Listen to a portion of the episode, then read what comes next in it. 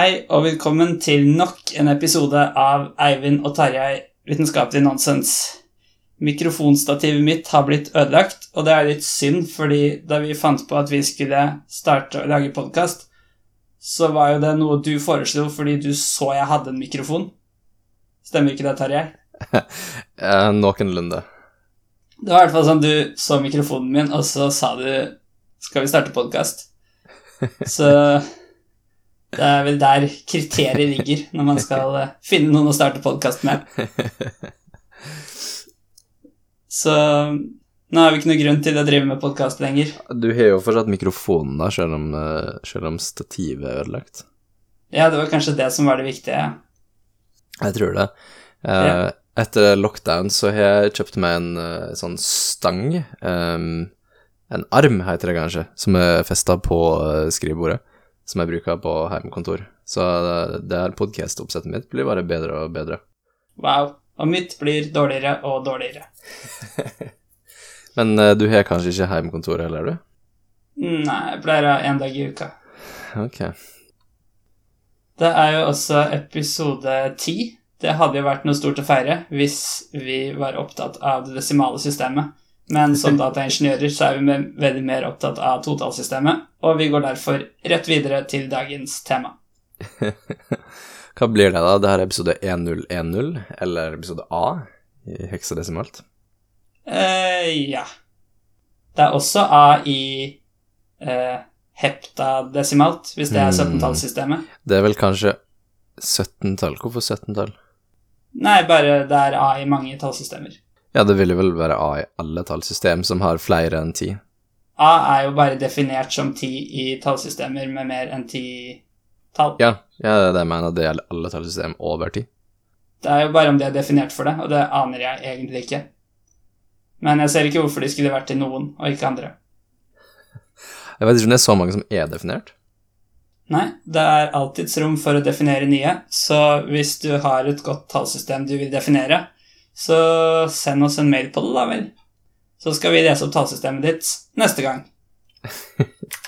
Jeg prøvde å google om det finnes uh, Om det finnes uh, et base 17-system. Men hva vil det si at det finnes, at det er brukt i praksis? Um, det heter heptadesimal. Det har ingen Wikipedia-entry.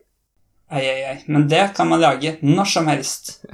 Og det er ikke sikkert artikkelen overlever, men den kan i hvert fall eksistere i Ja, okay, minutter. Mm. Og det er alt vi krever for å bruke det som en kilde. Det er definert helt opp til 360 eh, eh, tallsbase.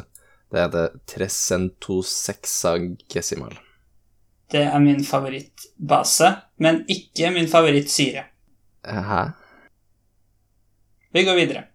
Det, det er ikke definert eh, kontinuerlig opp til det. Um, det er faktisk ikke definert sammenhengende særlig langt i det hele tatt. Eh, 39 for eksempel mangler. Ai, ai, ai. Mm. Det er fordi det er ingen som vet hvordan man sier 39 på en sånn fancy måte, akkurat som man sier heksadesimalt for å si 16. Ingen vet det for så høye tall. Heptatiti... La meg prøve det igjen. Heptatrigesimal. Hva tror du det betyr? Hepta Hepta betyr gjerne sju. Og så var det noe mer. Hepta trigesimal. Tri Å ja, altså som i tre? Uh, det kan jeg ikke si noe om. Nei. Uh, det kan jo for eksempel være 73 eller 37. Jeg svarer 73. Det er 37. Den bruker alle tallene, altså sikkert 0 til 9-sifrene, og alle bokstavene i det spanske alfabetet. Ja, det er litt sånn typisk meg. Jeg er veldig god hvis jeg får to forsøk på å svare riktig. Da klarer jeg det nesten alltid. Spesielt i fleipete fakta. Um, Tri-tri-gesimal. Tri-tri. Mm. Der kan jeg jo ikke bomme, da. Da må det være 33. Enten Det er går ene eller andre veien. Der var du snill.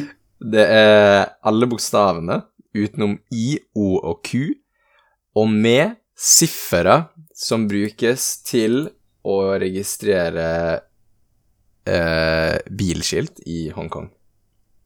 Ah, sånn, ja. Det, det fins Det er 33 forskjellige tegn som brukes for å lage et bilskilt i Hongkong.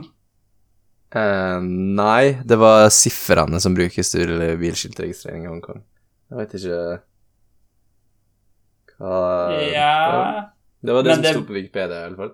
En, en matematiker vil vel kalle det siffer, mens en annen person vil kalle det tegnene bilskiltet består av, sikkert. Ja, men bilskiltet har også um, bokstaver. Um, men det er kun uh, siffrene i bilskiltet i Hongkong som uh, det er referert til.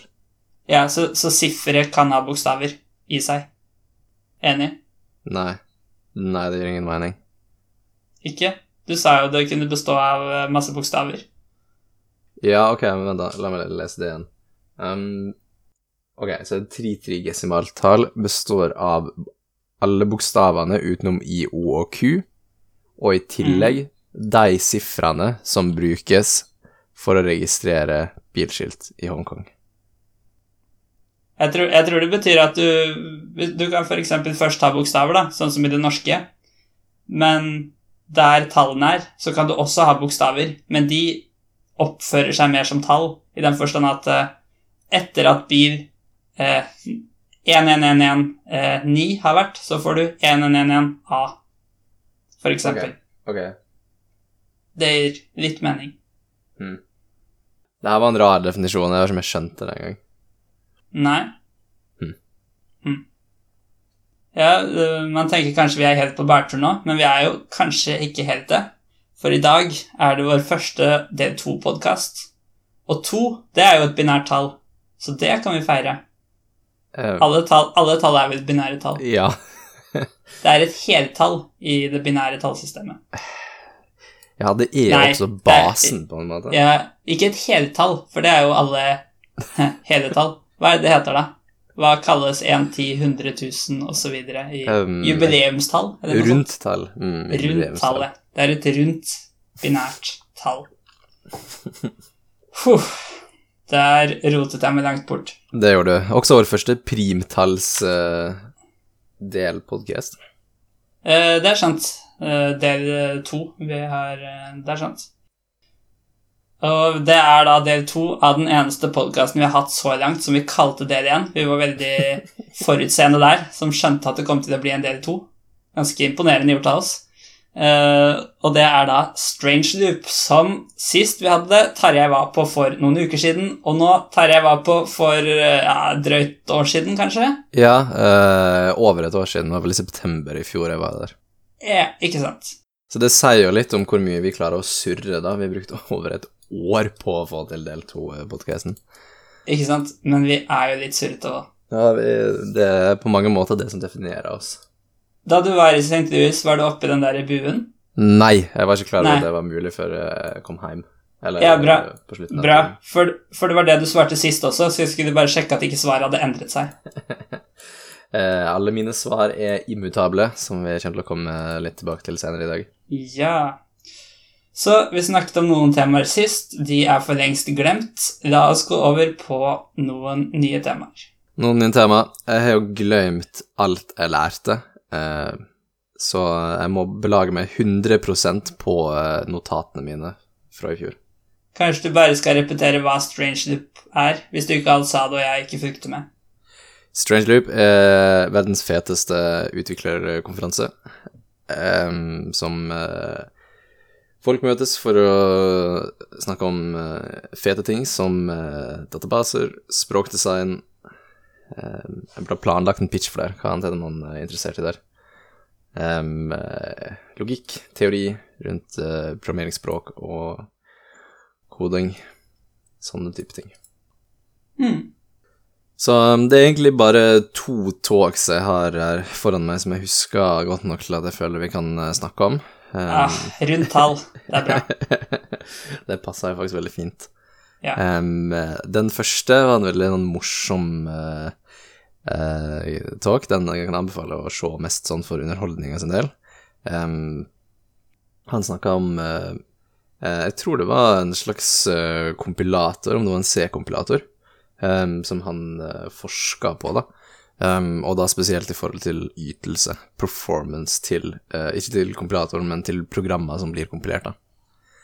Um, han hadde en del liksom eh, shade å throwe på eksisterende performance-teori. Eh, blant annet så la han fram litt sånn en teoretisk greie for å måle hvordan programmet ditt faktisk blir raskere. Um, slik at man kan vite hvor man kan finne performance gains, eh, for eksempel, da. Eh, der han blant annet eh, simulerte det ved å istedenfor å prøve å gjøre en del raskere, så gjør han alle de andre delene uh, artificially treigere. Um, og så på en måte kan du regne ut prosentvis uh, hvor mye programmet raskere, hadde blitt raskere, som en sånn teoretisk uh, Skjønner du hva jeg mener med det? At han liksom gjør det som en måte å liksom beregne det på på forhånd? Ok. Ja, så da kompilator, det som tar programmeringskode noen har skrevet, tolker det og gjør det om til et program som faktisk kan kjøre på en datamaskin, f.eks. Jeg vet ikke om det er for eksempel, det er veldig, så veldig mye annet du kan gjøre med et kompilert En, da, en datamaskin, f.eks. Det kan også kjøres på en avansert støvsuger. Er ikke det da også bare en datamaskin? Altså, hva er Hvordan er det ikke en datamaskin? Uh, ok, for du definerer en datamaskin som Som Ja, jeg skjønner hva du mener. Men uh, når jeg tenker på en datamaskin, så tenker jeg på en uh, PC. En personlig computer. Og en støvsuger den deles jo gjerne av flere i husstanden og er derfor ikke like personlig. Ok, det er en rar definisjon av datamaskin. At en datamaskin er et synonym til en PC. Mm, mm. Er det rart? Føler det brukes ganske mye i dagligtalen. Ja, en PC er definitivt en datamaskin, men eh, jeg føler datamaskin er et mer generelt begrep. Det er jo en maskin som um, kan dataprosessere. Ok, ok, men hvis jeg kjøper meg en PC og sier jeg har kjøpt meg en datamaskin Jeg ville ikke sagt det, jeg ville sagt jeg hadde kjøpt meg en PC. Ja. Men jeg sier jeg har kjøpt meg en datamaskin. Du hadde ikke reagert voldsomt på det. Det Enig? fordi jeg kan skjønne ut av konteksten hvilken type datamaskin du egentlig refererer til. Ja, men hvis jeg har kjøpt meg en mobil og sier jeg har kjøpt meg en datamaskin, Ja, det hadde vært rart. ikke sant? Ok, jeg endra mening på det punktet. Men jeg er jo enig at i en eh, teknisk, eh, veldig spesifikk, eh, presis definisjon, så er du inne på noe. Ja, for en mobil kan jo også kjøre kompilerte program. Um, eller ikke bare kan, men det er jo den Ja. gjør. Jo, absolutt, så sånn sett er det jo en datamaskin, men i dagligtalen så ville jeg ikke kalt det det. Ok, men uh, altså en, uh, en C-kompilator, C er da et av de mest kjente programmeringsspråkene, som han forsker på. Ja, eller jeg vet ikke om han lagde den, eller hva som var greia. Uh, han uh, Ja. snakka om at uh, O2 og O3, som er de to høyeste eh, vel, um, ikke hadde noen statistisk signifikant forskjell, for han hadde kjørt her på et representativt utvalg av program, da. Um, og de hadde fått uh, opptil 25% speedup på SQL Light, som du kjenner til, tror jeg. Ja, Um, og det er jo et veldig, veldig brukt uh, bibliotek, C-bibliotek, som brukes i, uh, i Android, for eksempel, um, uh, til ganske mange ting. Så det er jo noen ting som kan ha stor ytelsesforbedring på, liksom Hadde på en måte bare SQLite vært kompilert, med den kompilatoren her på alle Android-telefoner, så hadde liksom alle sin telefon blitt litt raskere. ja Um, eh, SQLite bruker du da hovedsakelig til å snakke med databaser. Det er jo en eh, slags eh, filbasert uh, databaseimplementasjon i eh, eh, Hva skal man si I user space, på en måte, istedenfor at du er en databaseserver du snakker med, så er den inne i koden. Ja, du, du har den på eh, samme enheten gjerne da, som, Mm. som du bruker. På samme datamaskin. Samme Ja, støvsuger, f.eks. Typisk. Eh, eh, så en av greiene hans var at eh, det som er, tar tid i moderne program, er minneaksess og måten minnet blir brukt på, spesielt fordi caching har så stor effekt på moderne prosessorer. Fordi det tar såpass okay. ekstremt lang tid å hente data fra RAM i, for, i, fra RAM i forhold til hvor lett tilgjengelig den er i prosessorcashen. da. Så liksom egentlig Ja. cache-oppførselen til programmet ditt er nesten all uh, ytelses uh, Har nesten alle utslag på ytelser. Um, Så det, altså uh, Data som er lagra i cashen, er da raskere tilgjengelig, men det er ikke plass til alt der. Stemmer. Så du sier at det å på en måte ha en god måte å velge hva som skal være der til ethvert tidspunkt på, da, er noe av det absolutt viktigste for Ja, at et program skal kjøre fort. Ja, og en av måtene folk uh, gjør det på, er å refactore programmet sitt til en måte de tror vil ha bedre cash-oppførsel på. Men så er poenget hans at eh, det vil ha en random påvirkning på performance til programmet ditt, fordi kompilatoren, når du bare flytter bitte litt på noe av koden din som egentlig ikke burde ha noe å si på hvordan ting ligger i minnet, så kan Ja. kompilatoren likevel ende opp med å gjøre et annet valg som gjør at ting havner på helt andre plasser, eh, som bare slår Ja. ut tilfeldig på ytelsen din. Kompilatoren lever litt sitt eget liv når det kommer til Ja, dette stemmer. med eh, minnehåndtering. Så jeg Det er tror ikke noe Ja, riktig. Så jeg tror et av hovedpoengene hans var å randomisere layouten som eh, kompilatoren produserer. Em, fordi det er så viktig, da, eh, på ytelsen. Du, uh, du skal randomisere det kompilatoren får inn? eller, Nei, øh, kompilatoren hans randomiserer hvordan den legger ut programmet og dataen i minnet, Uh, når det ikke har noen betydning for programmet sin riktighet, på en måte.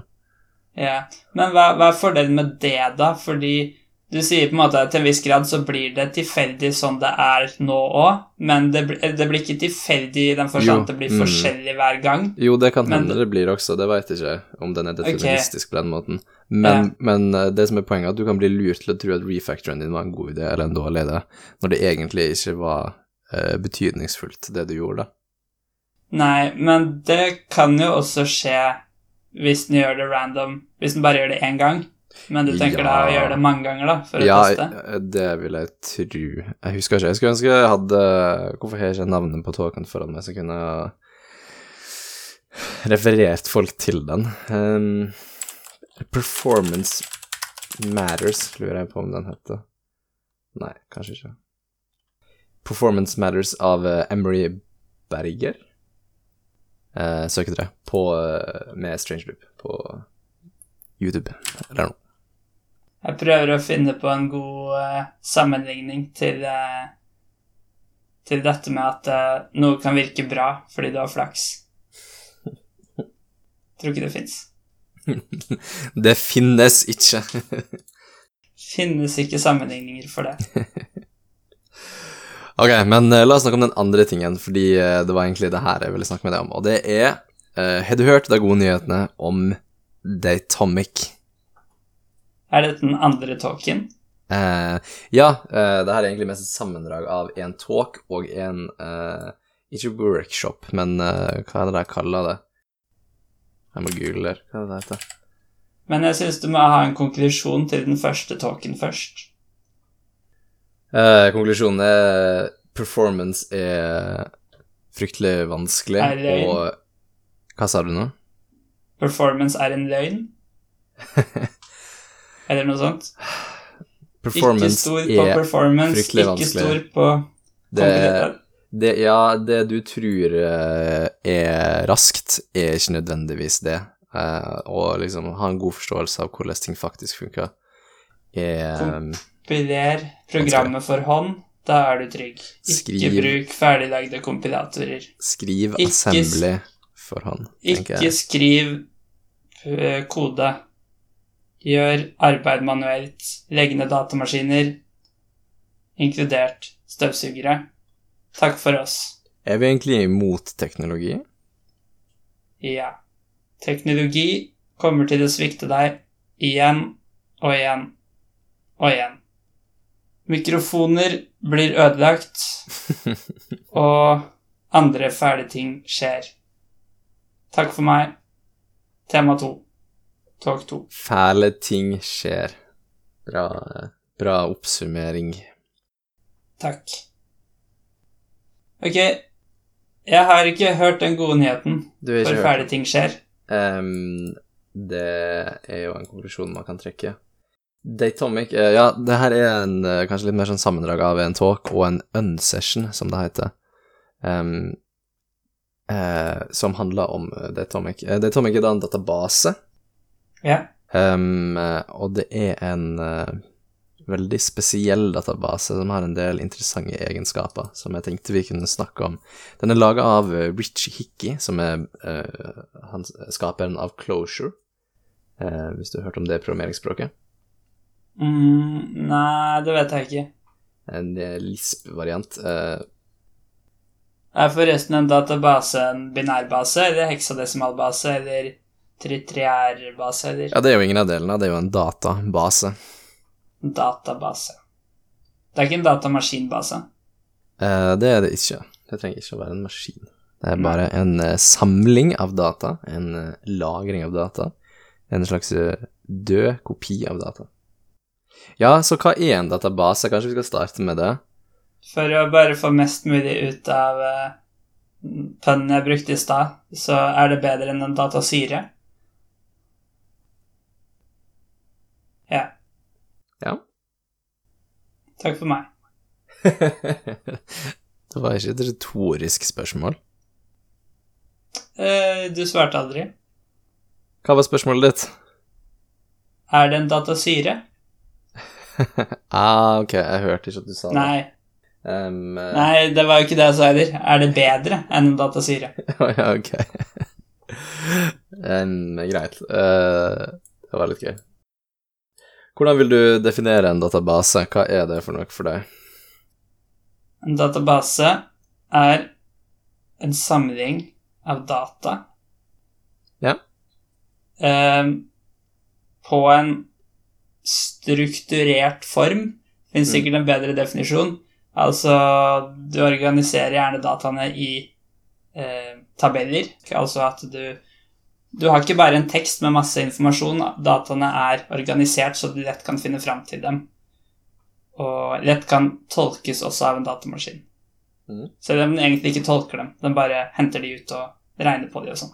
Skjønner ingenting. Nå sklir du bort til en slags filosofisk debatt her. um, en database for meg har også noen andre egenskaper som er viktige. Um, har du hørt om acid?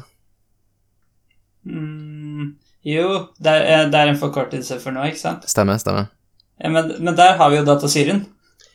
Ikke sant? Perfekt. Wow, Den så jeg ikke komme. ikke Ok, jeg ja, heller. for det, det, jeg, det Ja, jeg, jeg har vært borti det, men det, det står vel for noe sånn eh, Nå vet jeg ikke hva annet står for, men create, insert, delete, kanskje? Uh, da tenker du kanskje på CRUD, Create, Read, Update, Delete. Um, Ja, sikkert. Acid, acids står for atomisk, consistent, isolert og durable. Ah, ok. Altså det er noen eh, egenskaper man vil at database skal ha, da. Durable, for eksempel, betyr jo at den er vedvarer, altså typisk eh, hvis den skulle krasje, eller hvis du skulle skru den av, så vil den fortsatt persistere dataen på disk, da, typisk. Det er jo en veldig grunnleggende egenskap en database har. Uansett hvor fort den krasjer. Det er et godt spørsmål, da. Så det er noe man kan lure på hva skjer hvis den krasjer midt i en operasjon, men det er jo litt eh, et poeng, eh, det er det atomicity betyr, at uh, enten skal uh, oppdateringa gå gjennom 100% eller ikke i det hele tatt. Ja. Um, og så er consistency og um, isolasjon litt vanskeligere å tenke på. Um, consistency kan bety noe sånt som um, at eh, ting gjøres i en transaksjon, Um, mm -hmm. og at liksom databasen ikke kommer ut av synk, da. Um, ja den, Hva skal man si Hvis du skal flytte noe, så gjør den ikke noe et sted Nei, det blir kanskje litt mer sånn atomisk igjen, da. ja. At den, at den gjør alt eller ingenting. Ja, ikke sant. Jeg har ikke helt klart skille for meg i mitt eget hode engang hva nøyaktig forskjellen på, på på consistency og isolation, um, fordi en av egenskapene du vil ha, er at du skal kunne i en transaksjon lese data fra databasen, uh, gjøre noen beregninger eller bestemmelser basert på det, og så skrive noe tilbake, fortsatt inn i transaksjonene. Og da, Ja. hvis um, det du eh, baserte um, Det du leste ut, har endra seg, Mm. så skal transaksjonen feile, sånn at du ikke skriver noe som på en måte er på feil grunnlag, da, om du har prøvd transaksjonen på nytt, Ja. eller en annen mekanisme. Du sjekker om du har penger på konto til du kjøper noe, Ja, ikke sant. og så sjekker du det, og det viser seg at du har det, men i mellomtiden så tar jeg ut alle pengene. Mm, stemmer. Men hvis du da ikke har eh, en av de, den egenskapen vi nå snakker om, så virker det da som det går bra, og så ender du opp med et negativt beløp. Helt riktig. Så eh, alt det her handler jo egentlig om at databasen er litt sånn ehm, Ikke ustabil, men den er på en måte Den er på en annen server. Den er, den er på en annen maskin da enn eh, koden din, og den kan mm. brukes av flere folk samtidig. Så det er de viktige egenskapene med database for meg, da, at den uh, kan brukes av flere folk samtidig, og du og uten, uten krasj, på en måte. Um, Ja.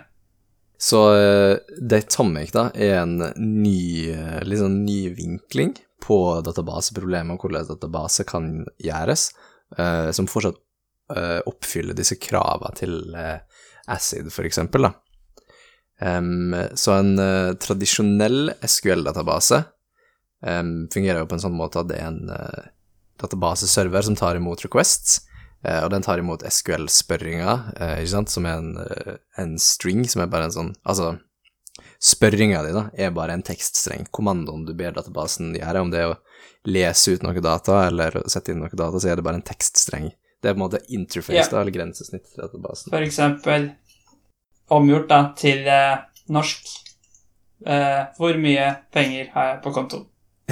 Bare at du skriver det på en litt annen måte, da. Nettopp. Og da er det databaseserveren da, sitt ansvar å utføre den spørringa. En av konsekvensene av det er jo at det kan uh, eh, Hvis flere folk spør kompliserte spørsmål samtidig, så vil databaseserveren på en måte streve med å svare alle spørsmålene samtidig. Um, Mm. Så det Datomic gjør, er å i stedet for å være en eh, eh, SQL-server, så kaller jeg det en slags em, faktaserver. Jeg tar en litt annen vinkling til hva det vil si å lagre informasjon, da. Um, for, eksempel, eksempel, for eksempel, så før i tida, før datamaskiner, så brukte jo man å ha eh, informasjonen da også, gjerne nedskrift på papir. Um, Ja, altså ja. Programmerte man med steiner og pinner? for, eksempel, eller penn og papir, da, kanskje. Ja. Um, og når man skrev ned ting før i tida, så eh, hadde man det på papir, og når det skjedde en endring, som eksempel at eh, noen ville flytte pengene sine, eller um, man skulle skrive ned ny informasjon, gikk man Ja. da tilbake og streka over det forrige man hadde, og skrev den nye informasjonen på den samme plassen? Man gjorde ikke det. Man skrev ned ny informasjon på en ny plass. Du tok vare på det gamle også? Og tok vare på det gamle også. Så det er det Datomic gjør, da. Den eh, tar imot fakta, og det er det eneste den kan gjøre. Den eh, skriver ned fakta. Og da er det litt sånn eh, Hva betyr ordet fakta? Um, for i, i en tradisjonell database så er det litt Man tenker ikke på det som fakta, man tenker på det som en slags plass man har lagra informasjon. Men, eh, Ja. men for eksempel eh, eh, en eh, piece of fakta kan jo være eh, Hvem er president i USA? Aner ikke. Svaret på det er jo uh, Trump, men ja, det var sånn det var. sånn det var. Men det var jo ikke det før, og det kommer ikke til å være det i framtida. Men Ja, det er aldri si aldri. Nei, Han er til å dø før eller siden, iallfall. Uh, Ja, aldri si aldri.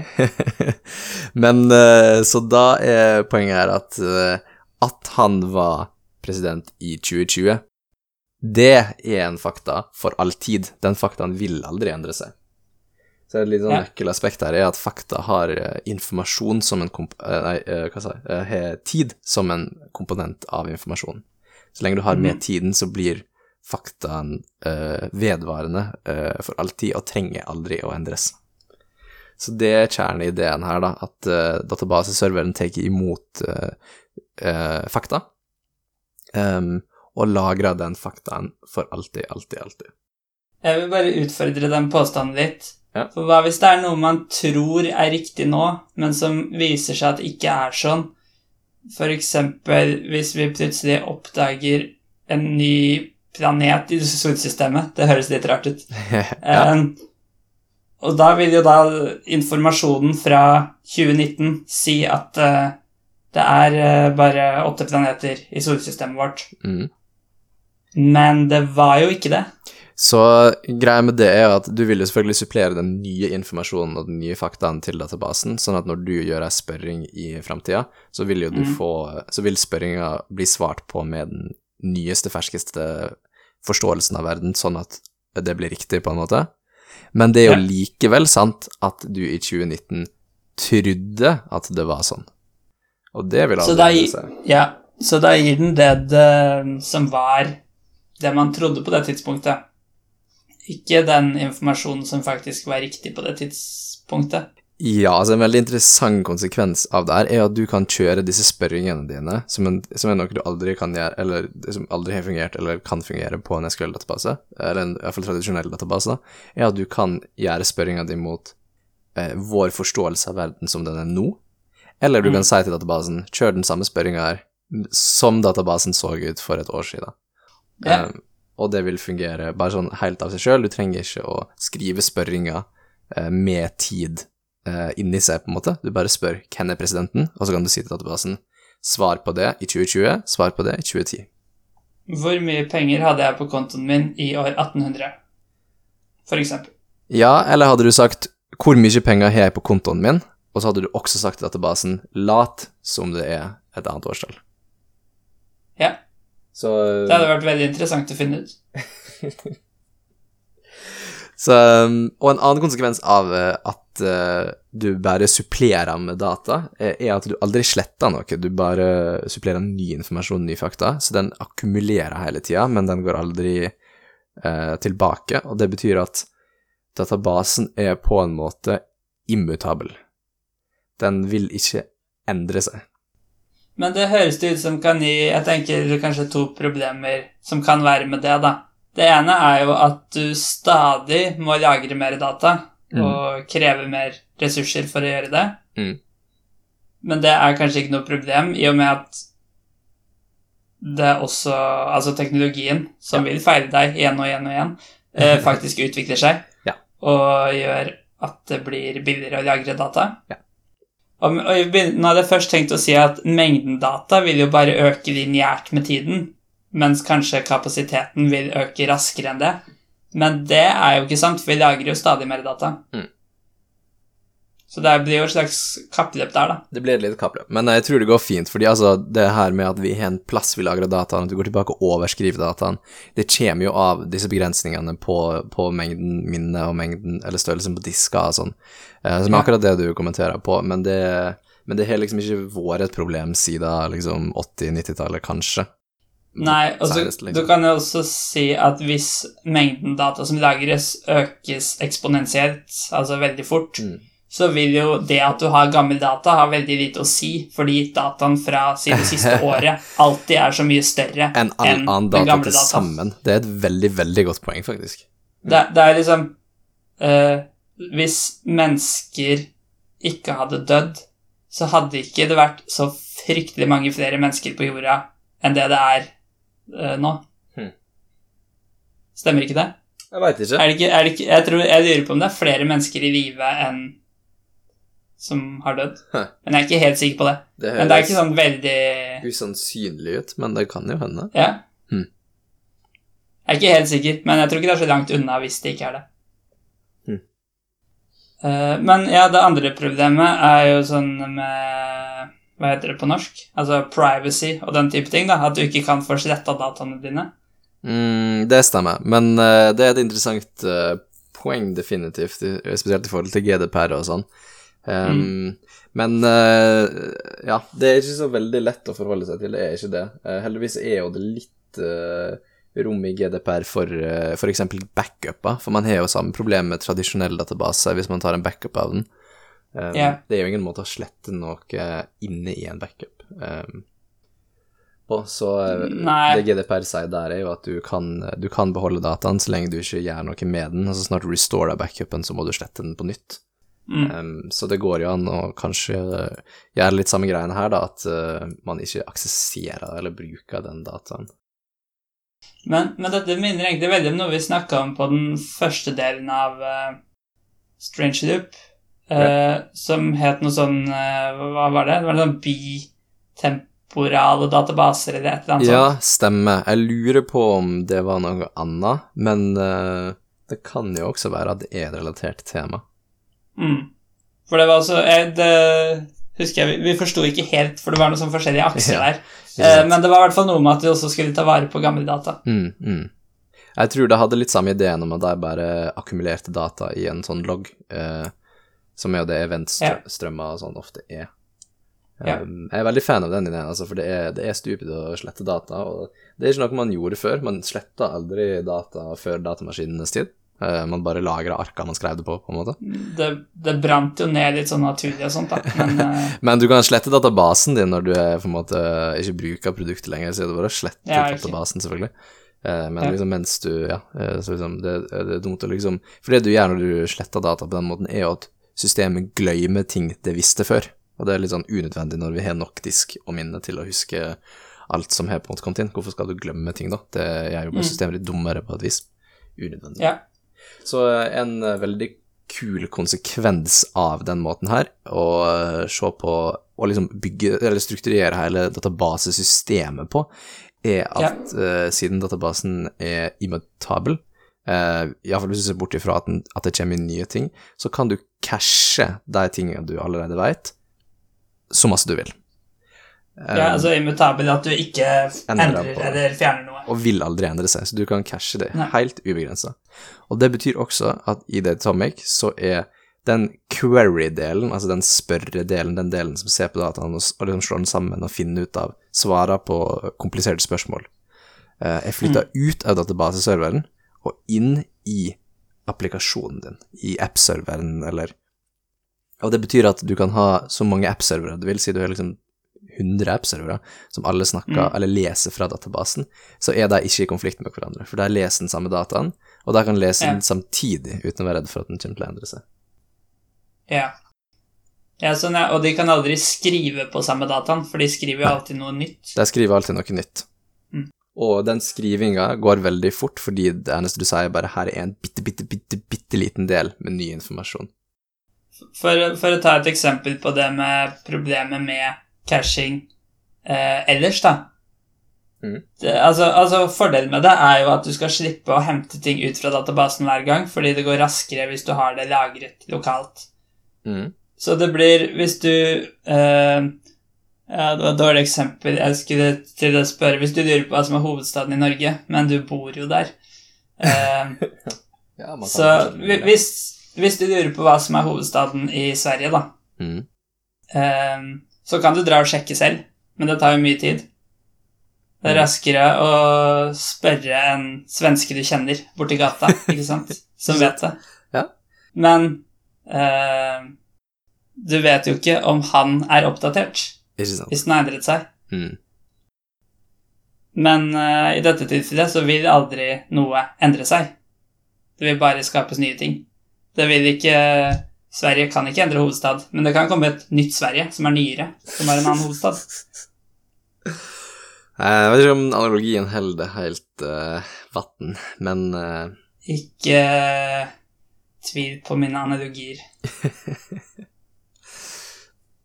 Å tvile på analogiene til den du lager podkast med, er som å stikke hull i dekkene på bilen din før du skal kjøre. dårlig analogi. Nå føler jeg vi er inne i en loop. En veldig rar loop. En strange loop. Yep. Så veldig, veldig kul databaseteknologi. Um, uh, Ah, jeg trodde du skulle si veldig, veldig kul analogi. nei, Æsj. jeg beklager, da må du komme med Greit, en analogi. Ja, uh, men, men hvis du vil ha nyeste dataen, Mm. da er du jo tilbake på samme Um, problem som før. Uh, så måten det er håndtert på, er at du, du leser fra, fra storage helt fritt, for det er, den kommer aldri til å endre seg, så alle kan lese samtidig uten å blokkere hverandre. Um, Ja. Men alle må skrive gjennom en, eh, liksom en, et knutepunkt, da, som de kaller transactoren. Eh, og det eneste den gjør, er å ta imot disse skrivegreiene og passe på at det blir skrevet eh, til disk og persistert på den måten. Og i tillegg så sender den av gårde notifikasjoner til alle påkobla klienter. Så de får også med seg disse nye faktadelene da, og kan inkorporere det i sin egen forståelse av hva som er current, hvis du ønsker det. Så det er liksom to forskjellige måter å se på det. Du kan enten se på databasen sånn den var akkurat nå, og på en måte holde på det, fordi det kommer aldri til å endre Ja. seg, og i tillegg så kan Mm. du ta imot ny informasjon hvis du hele tida vil være, vil være oppdatert. da. Jeg lurte litt på navnet. Er det D-Tomic, altså tom Tomic? Nei, Datomic. Datomic. Datomic. Så uh, de kaller det datum, er det de kaller et eh, atom med data, eh, slags fakta, som er liksom eh, okay. informasjonen, inkludert eh, tid, tida den gjelder for. Ok.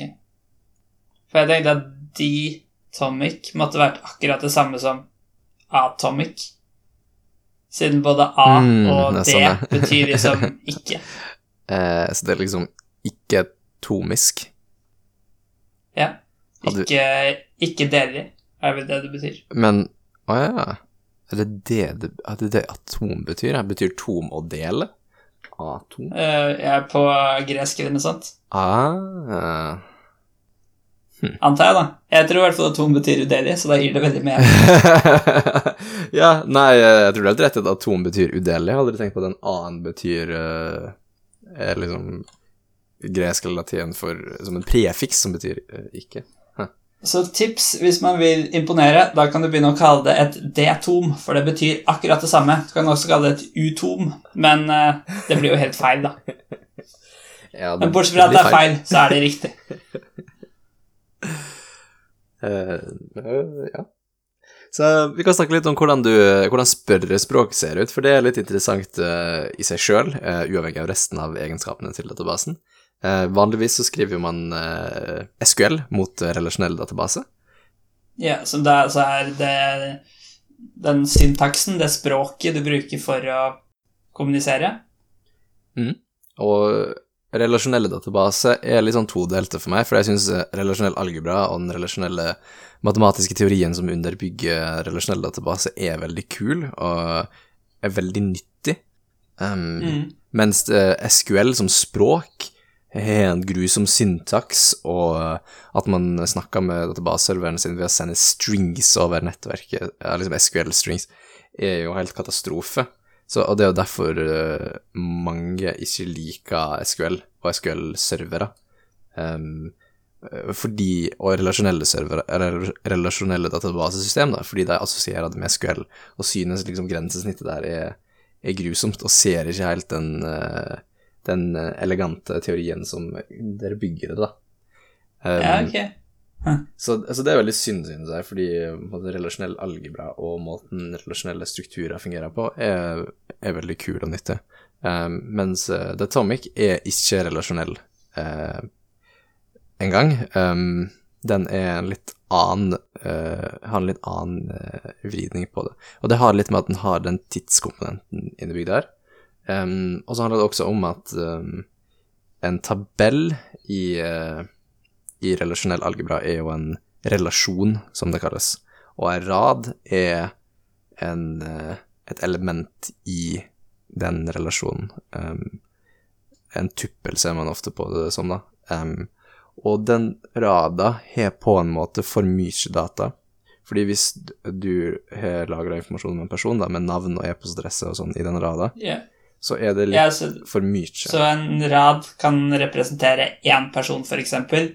Eller dataen mens- du har om en person, da. Ja.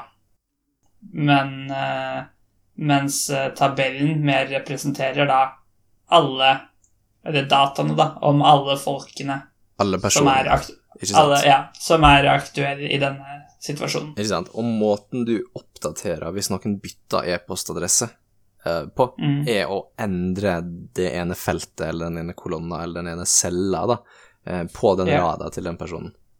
Ja, for innenfor raden igjen så er det da mange verdier som forteller forskjellige ting om personen. Så For eksempel e-postadressen. mens i det Tomic da, så blir det mer at du sier denne personen har en ny e-postadresse, som er en uh, faktaendring på en måte, som er mindre enn en rad. Så det, det Tomic fungerer litt på et lavere nivå da.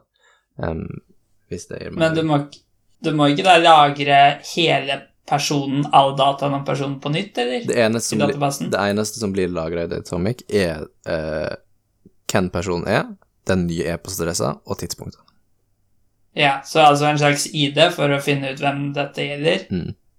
og dataen, yep. og tid. Ok, ja. Det er det som er en Det datom, da, en uh, fakta. faktabit. Em, så det, den har mindre struktur enn eh, en relasjonell database, Um, og eh, er, er på, på en måte på, på et litt lavere nivå, da. Mens, eh, så da er spørsmålet hvordan ser spørrespråket ut? Og, og svaret på det er at jeg bruker et språk som heter datalog, som er litt sånn løst basert eller inspirert av uh, prolog, hvis du har hørt om det, som er et programmeringsspråk. Mhm. Um, så istedenfor den relasjonelle algebraen og For det ene av de kjernetinga i relasjonell algebra er jo at man uh, uh, bruker joins av forskjellige slag for å slå sammen forskjellige tabeller. Slå sammen data fra forskjellige tabeller. Så joiner man Ja. tabellene. Ja, og du slår de da sammen på en måte slik at dataene, de radene som har noe med hverandre å gjøre, blir kobla sammen, hvis det gir noe mening. Mm. Uh, F.eks. For eksempel hvis du vil finne ut info om personer og bilene deres. Uh, hvorfor brukte jeg ikke støvsugerne deres? Det er jo dagens uh, innganger. og støvsugerne deres, så vil du ha data om de støvsugerne som tilhører personen, ikke data om meg og en støvsuger i Kina sammen. Stemmer. Og de joinene er eksplisitte i, eh, i SQL, mens i, eh, i datalog så er joinene selvfølgelig der, for dataene må jo slås sammen, men den er implisitt, fordi språket er på en måte et mer høynivå spørrespråk. Um, selv om datastrukturen og representasjonen er på et litt lavere nivå enn uh, en relasjonell database. Så Prolog som programmeringsspråk da, er et logikkprogrammeringsspråk, kalles det. Um, er et helt annet type programmeringsspråk enn det man er vant til. Det er ikke et funksjonelt språk, det er ikke et objektorientert språk, det er ikke et uh, procedural språk, det er ingenting av det her. Det, det ser helt annerledes ut. Det man gjør i, i Prolog, er å definere uh, ting som eksisterer, uh, fakta, på en måte, og så definerer man constraints, eller liksom, hva skal man kalle det, sammenhenger, um, til, til disse faktaene, da. Uh, Jeg innså nå at jeg har hatt dette faget på skolen, på, på NTNU? Ja. Ja. Vil du, vil men du, lite. vil du beskrive litt hvordan det funka? Eh, Jeg husker nesten ikke noe av det. Men eh, ja, du, du har jo egentlig sagt det, da. Du beskriver fakta. Du, du beskriver ting som er sant, Ja. men aldri ting som ikke er sant. Mm. Eh, ja, takk for meg. Og så kan du gjøre, du kan gjøre logisk resonnering basert på det du har beskrevet, da. ja, stemmer. Og det er det som Hvis er kult. Ja. Ha- Hvis uh, Nei, Har du et eksempel? finne et eksempel. Ikke sant? Det er jo sånn typisk sånn uh, Hvis du beskriver at person A er faren til person B, Mm. og B er faren til C, Ja. Så kan det resonnere seg fram til at A og C da er eh, i slekt, da. Ja. Eller at det. Er bestefaren, eller ja. Stemmer. Så eh, måten det funker på sånn rent praktisk, er jo at du, du definerer disse eh, hvordan ting henger sammen, og definerer faktaene, og så er det, så er det språket sitt ansvar, da, å resonnere seg fram til svaret. Mm. Eh, så man skriver gjerne da en spørring i, i Prolog, eller altså, jeg vet ikke om det kalles en spørring, eller liksom et program, eller whatever. Um, Ja. der du definerer en relasjon, kanskje, da. Eh, Du sier kanskje den personen er, er, er faren til person X, der X er ukjent, og X er faren til en annen person som du har spesifisert. Så, så kan liksom eh, språk komme seg fram til hva må verdien til X være for at det her skal stemme. Eh, Ja. og noen ganger så er det flere løsninger, og noen ganger er det ingen løsninger, og noen ganger er det akkurat én løsning. Um, ja, og noen ganger så kan du resonnere uendelig ja, uten å komme fram til en løsning. det høres jo ikke bra ut. Har du et eksempel på det? Eh, nei, et paradoks. Ja, paradoksal du- prologspørring. Hva skulle du si? Ja. Nei, jeg bare lurer på om vi kunne finne en enkel måte Et enkelt eksempel på det. Det, Men jeg, jeg husker ikke helt åssen det er.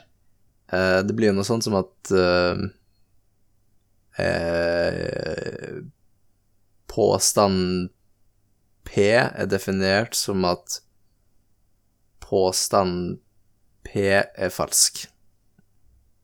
Fordi hvis påstand P er true, Ja. da, så, blir, så er jo ikke true like false, og da må jo den være false, men hvis den er false, så er den false, og da er jo den true. Og så går det sånn. Ja, ok, sånn. For det er jo en rekursiv definisjon. Sånn. Jeg vet ikke om man kan definere ting rekursivt i prolog, egentlig. Um, Mm, ja, jo, det er Jeg husker ikke helt. Det er noe der, tror jeg. så uh, poenget er at uh, datalogget fungerer mye på samme måten, og, og du spør uh, det her mot, uh, mot din database, og fordelen med er jo at uh, det her kjører i app-serveren din, og ikke på uh, SQL-serveren eller på databaseserveren. da.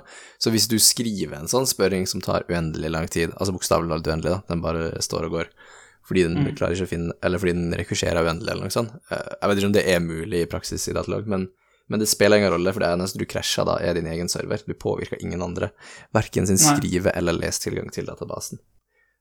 Jeg, jeg vil tro det er mulig i teorien, men jeg tror det fins eh, mekanismer for at den skal klare å detektere at det skjer. Ikke sant? Den detekterer et paradoks eh, der den har liksom gjort den samme Jeg skjønner, det har liksom vært innom den samme staten flere ganger, så vil jo den på en måte Da vil jo den være i løkke og aldri komme ut av det.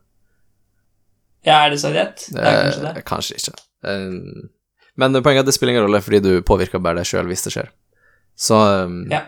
Og, og så, det her, så det er sånn disse spørringene funker i datalog. Da. Du sier at du vil ha du vil ha Du vil ha ut alle som har den strukturen her, og så spesifiserer du noen datapunkt, som for eksempel eh, eh, navn, eller hva person det er, eller hva støvsuger det er, og så lar du den andre være frie variabler, og så er det og så er det datalog-implementasjonen sitt ansvar da, å gå gjennom databasen og sette sammen dataen på en sånn måte at den tilfredsstiller disse constraintene.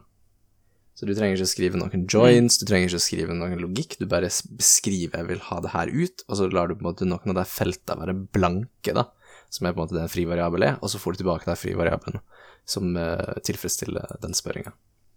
Ja.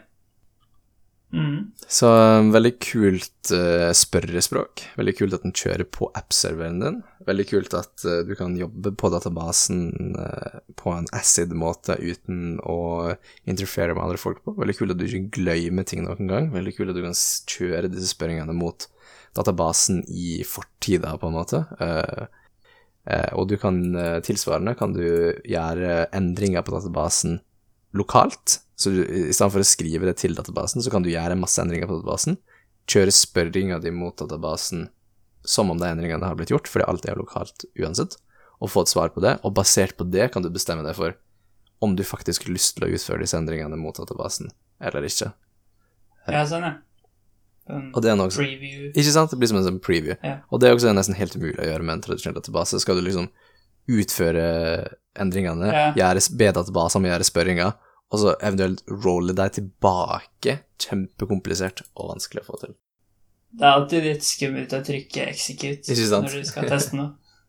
Exactly. Og det, det trenger ikke du noen gang Datomic. Så jeg er veldig, veldig fan av, eh, av Datomic. Syns det virker som veldig kul teknologi. Jeg har lyst til å utforske det mer, prøve å lære meg hvordan det funker. Um, Ja. Også uh, er jo closure, som er liksom det naturlige språket å bruke det i, som også er et veldig kult språk, da. Så um, Å ja. Mm. ja hva, hva var relasjonen da mellom closure og datalog og eventuelt uh, prolog. Ja, så Closure er jo en uh, lisp. Um, Ja. Og en av kjennetegnene med Lisp er at de er eh, har det som kalles makroer, som er en slags eh, utviding, en måte du kan programmatisk utvide eh, syntaksen til språket på, eh, uten, å, uten å faktisk gå inn i kompilatoren og endre ting, da. Um, okay. Så datalog er skrevet i, uh, eh, i Closure, som eh, gjør at du kan skrive datalog-kode rett i Closure-koden, som om det er, er bare en del av språket. Eh, Og du kan også skrive Closure-kode midt inn i dataloggene. Um, Ok. Så det er et veldig, veldig kult system. Ja.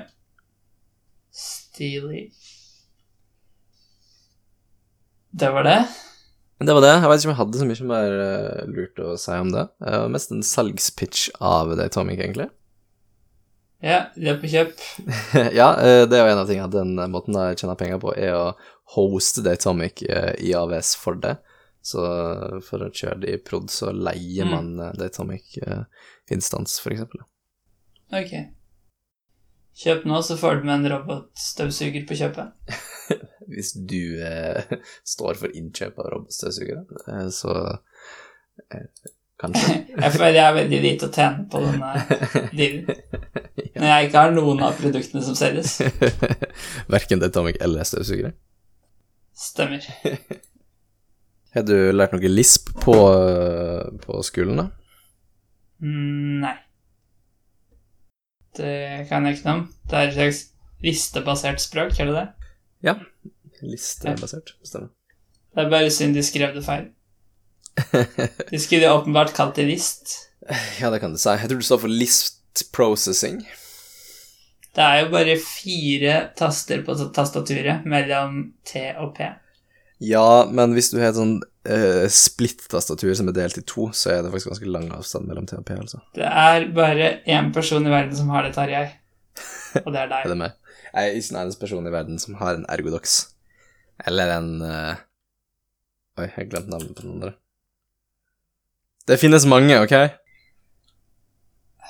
Ja da, vi kan si det sånn. Det viktigste er at det er et binært, rundt tall. Det er jo ikke så sannsynlig, da. Nei, Det er eh, mest sannsynlig hvis det er få som har det. regna du én som uh, rundt? Ja, det må Ja, er, er, hvis det er det i titallssystemet. Eh, Man, har, har man ettårsjubileum? har det noe med titallssystemet å gjøre? Vil ikke det være like rundt i, et, i en annen base? Jo, altså hvis eh, Hvis én er et rundt tall i titallssystemet, så er det det også i totallssystemet. Ja, det vil jo være det i alle baser, da. Ja, nettopp. Så én er enten et rundt tall eller ikke, i alle baser. Det er argumentet mitt. Vær forsiktig med å si alle, da, men de fleste. Hva med liksom de komplekse basene og sånt? Vet ikke åssen de funker. Går det an? Det høres ikke ut som noe som går an. Alt går an. Det er ikke sant. Ok, jeg sitter og ser på, um, på et prolog-eksempel her. Um, Det virker som det definerer parent Nei, hæ? For rekursjon, eller? Nei, jeg prøver å skjønne Det er jo sånne familietreeksempel uh, som vi snakka om. Um, Jeg bare skjønner ikke helt uh, Det, det som er viktig å huske på, er at alt som ikke er spesifisert, regnes som usant. Ok, ja, det er interessant. Ja, Det gir jo mening. Ok, så han definerer uh, parent YX som child XY. Så det virker som at liksom Y er parenten til X, hvis X er childen til Y. Ja, hvis den ene er sann, så er den andre Ja, ikke sant? Sann. Um, Og så definerer han yeah. father Y til X som at uh, Som child X til Y, og også at male Y. Ja, hvis du er far, da er du uh, forelder og mann. Ja, men han definerte ikke det via foreldre, han definerte det via hvem barnet ditt er. Ja, ja. Hvis, hvis du er far, da, er du, da har du en annen som barn. Altså hvis du er far til en person, da er den personen barnet ditt. Og du er mann. Ja, men var ikke det litt rar måte å definere det på? Hadde ikke mer mening å definert Å ja, jo, for, ok, grunnen til at han gjør det er fordi han har definert uh, faktaene på forhånd. Han har definert child John Sue, som sikkert blir da John er ungen til Sue, er en sånn faktadeklarasjon. Ok. Ok, jeg skjønner, skjønner. Og så har han definerte male og female på alle folka. Mm. Mm. Men det er derfor han brukte child som definisjon til Jo, men han kunne likevel ha brukt parent som en del av father-definisjonen, føler jeg, for parent er jo definert via child igjen. Hvis child er på noen Ja, det, det var vel det første du sa, Ja, at at de er ekvivalente. mm. Men når de er ekvivalente, så er det vel ikke noen spesiell grunn til å bruke en av de. Nei, ikke sant, så han kunne ha brukt fa- Det har gitt mye mer mening, syns jeg, logisk sett, at en far er en forelder som er som er male. Så jeg vet ikke hvorfor han gjorde det sånn. Det var litt rart. Um, Kanskje du bare sliter med å forstå logikken. Er du ikke en perfekt resonnerende logisk maskin, Tarjei? altså, jeg vil si det, da, men uh, jeg er jo feilbarlig, så Skjønner. Nei, men da sier vi takk for i dag, og så ses vi neste gang. Det har vært rart hvis vi ses forrige gang, men man kan høre på podkasten en rar rekkefølge. Ja, det er Så, mange podcast-apps som gjør det der baklengs, at du starter på toppen, og så bare går den nedover. du, du gjør det, ja. Vet det. Nei, nei, nei, jeg Eh, starta uh, nederst og går oppover. Jeg starta på den s- første podcasten jeg jobber med framover, som en normal person. Men Ja, så vi ses på den neste podkasten. du hører. Du som lytter, hører. Mm. Men tenk hvis det er denne podkasten. Skal det, høre den samme det går også igjen? bra. Ja, det går jo bra, det også. Outro-musikk.